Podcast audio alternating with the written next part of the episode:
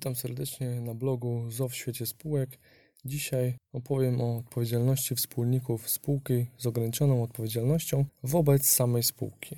Wspólnicy spółki z ograniczoną odpowiedzialnością, oprócz przypadków, kiedy odpowiadają za zobowiązania spółki, o których opowiadałem ostatnio, ponoszą także odpowiedzialność wobec samej spółki, na czym skupię się w dzisiejszym odcinku. Po pierwsze, Wspólnicy ponoszą odpowiedzialność za wniesienie wkładu niepieniężnego mającego wady. Zasady odpowiedzialności za wady wkładu niepieniężnego reguluje artykuł 14 paragraf 2 Kodeksu spółek handlowych. Zgodnie z tym przepisem, jeżeli wspólnik wniósł wkład niepieniężny mający wady, jest on zobowiązany do wyrównania spółce różnicy między wartością przyjętą w umowie albo statucie spółki, a zbywczą wartością wkładu. W zdaniu drugim powyższego przepisu jest wskazane, że umowa albo statut spółki może przewidywać, że spółce przysługują wówczas także inne uprawnienia. Ten przepis ma zastosowanie do wnoszenia aportów już na etapie tworzenia spółki, ale także do wnoszenia ich do spółki już istniejącej w przypadku podwyższenia kapitału zakładowego. Powyższa odpowiedzialność wiąże się z osobą, ale nie wiąże się z udziałem. Podmiotem, który ponosi odpowiedzialność, jest wspólnik, który wniósł wkład niepieniężny obarczony wadą. Nie ma tutaj zastosowania artykułu 186 Kodeksu Spółek Handlowych odnoszący się do odpowiedzialności solidarnej zbywcy i nabywcy za świadczenia należne spółce ze zbytego udziału. Z uwagi, że jest to odpowiedzialność wobec samej spółki, tylko spółka może dochodzić wyrównania wspomnianej różnicy wartości wkładu. Wniesienie wadliwego wkładu niepieniężnego nie spowoduje odpowiedzialności wobec innych wspólników oraz wierzycieli spółki z ograniczoną odpowiedzialnością. Wskazana wyżej odpowiedzialność ma charakter absolutny, bowiem wspólnik poniesie ją niezależnie od swojej winy oraz wiedzy o wadzie, a także niezależnie od tego, czy swoim działaniem bądź zaniechaniem przyczynił się do powstania tej wady. Ponadto umowa spółki może zwolnić wspólnika od powyższej odpowiedzialności. Odpowiedzialność ta posiada zbliżony charakter do odpowiedzialności z tytułu rękojmi za wady fizyczne i prawne uregulowane w kodeksie cywilnym.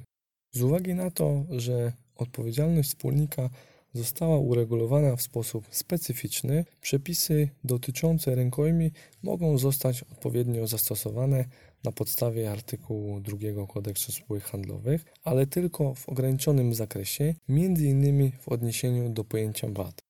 Kodeks spółek handlowych nie zawiera definicji pojęcia VAT, które zostało zdefiniowane w kodeksie cywilnym w przepisach dotyczących rękojmi.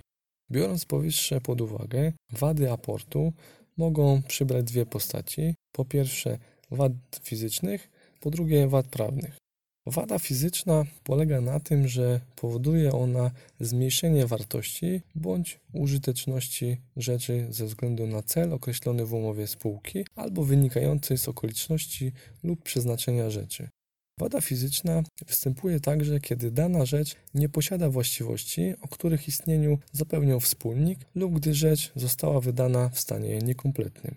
Wada prawna zachodzi wówczas, kiedy rzecz nie stanowi własności wspólnika bądź jest obciążona prawem osoby trzeciej.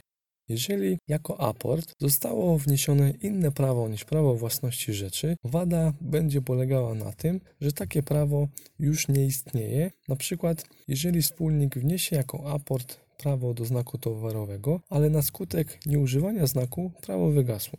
Odpowiedzialność wspólnika polegająca na wyrównaniu różnicy między wartością udziału przyjętą w umowie, a jego wartością zbywczą wynika z faktu, że w konsekwencji tej różnicy kapitał zakładowy spółki nie został w całości pokryty wniesionymi wkładami. Wartość zbywcza to wartość rynkowa wkładu dotkniętego wadą ustalana na dzień jego objęcia. Wyrównanie powyższej różnicy powinno co do zasady nastąpić w drodze świadczenia pieniężnego. W pewnych przypadkach postać tego świadczenia może przybrać charakter niepieniężny, jednak takie świadczenie powinno spełniać łącznie trzy przesłanki.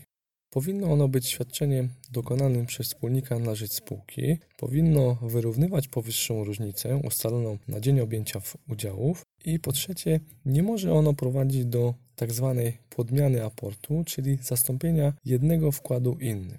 Ponadto przepisy przyznają możliwość określenia w umowie spółki ZO innych uprawnień spółki wobec wspólnika, który wniósł wadliwy wkład.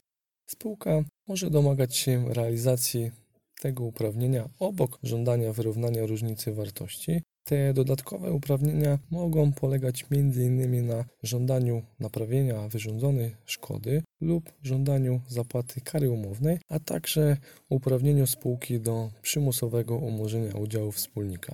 Uprawnienie spółki do żądania wyrównania wartości wadliwego wkładu ma postać roszczenia majątkowego.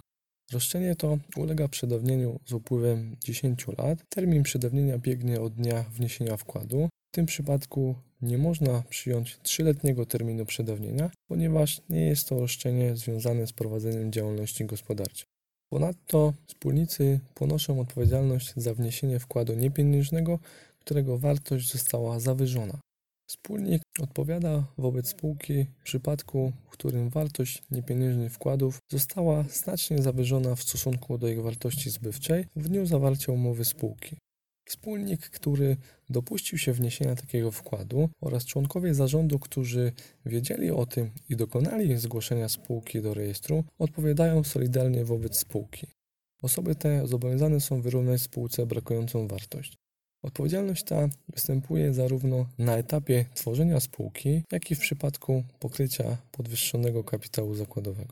Podobnie jak w poprzednim przypadku, odpowiedzialność wspólnika nie zależy od jego winy, wiedzy o zawyżeniu wartości wkładu, a także dobrej czy złej wiary.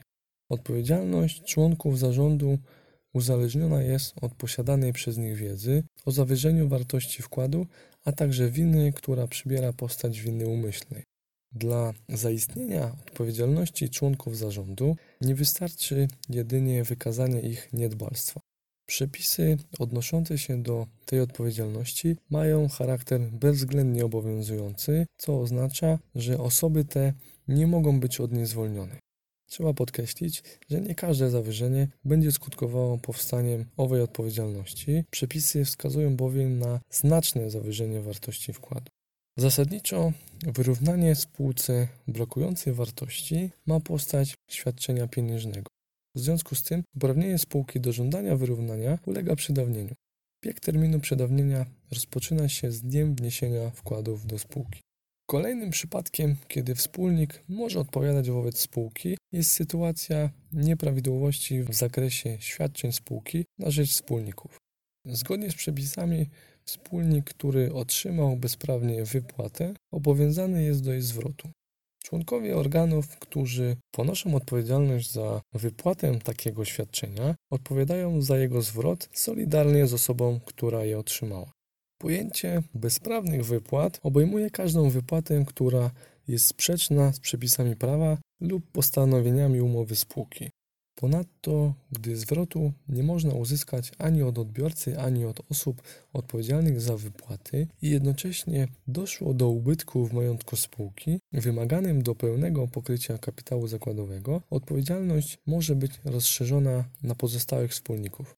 Pozostali wspólnicy odpowiadają w stosunku do swoich udziałów i ich odpowiedzialność ma miejsce Niezależnie od winy lub wiedzy o bezprawnej wypłacie, nie ma ona również charakteru odpowiedzialności solidarnej. Odpowiadają oni w stosunku do swoich udziałów za całość ubytku majątku, który jest potrzebny do pokrycia kapitału zakładowego. Podobnie jak we wcześniejszych przypadkach, odpowiedzialność ta ma charakter bezwzględny, co oznacza, że nie można się od niej zwolnić. Roszczenia spółki wobec osób zobowiązanych do zwrotu bezprawnych wypłat ulegają przedawnieniu z upływem 3 lat od dnia wypłaty. W przypadku odbiorcy, który wiedział o bezprawności otrzymanej wypłaty, przedawnienie następuje z upływem lat 10. Dziękuję za uwagę. Zapraszam do śledzenia kolejnych odcinków.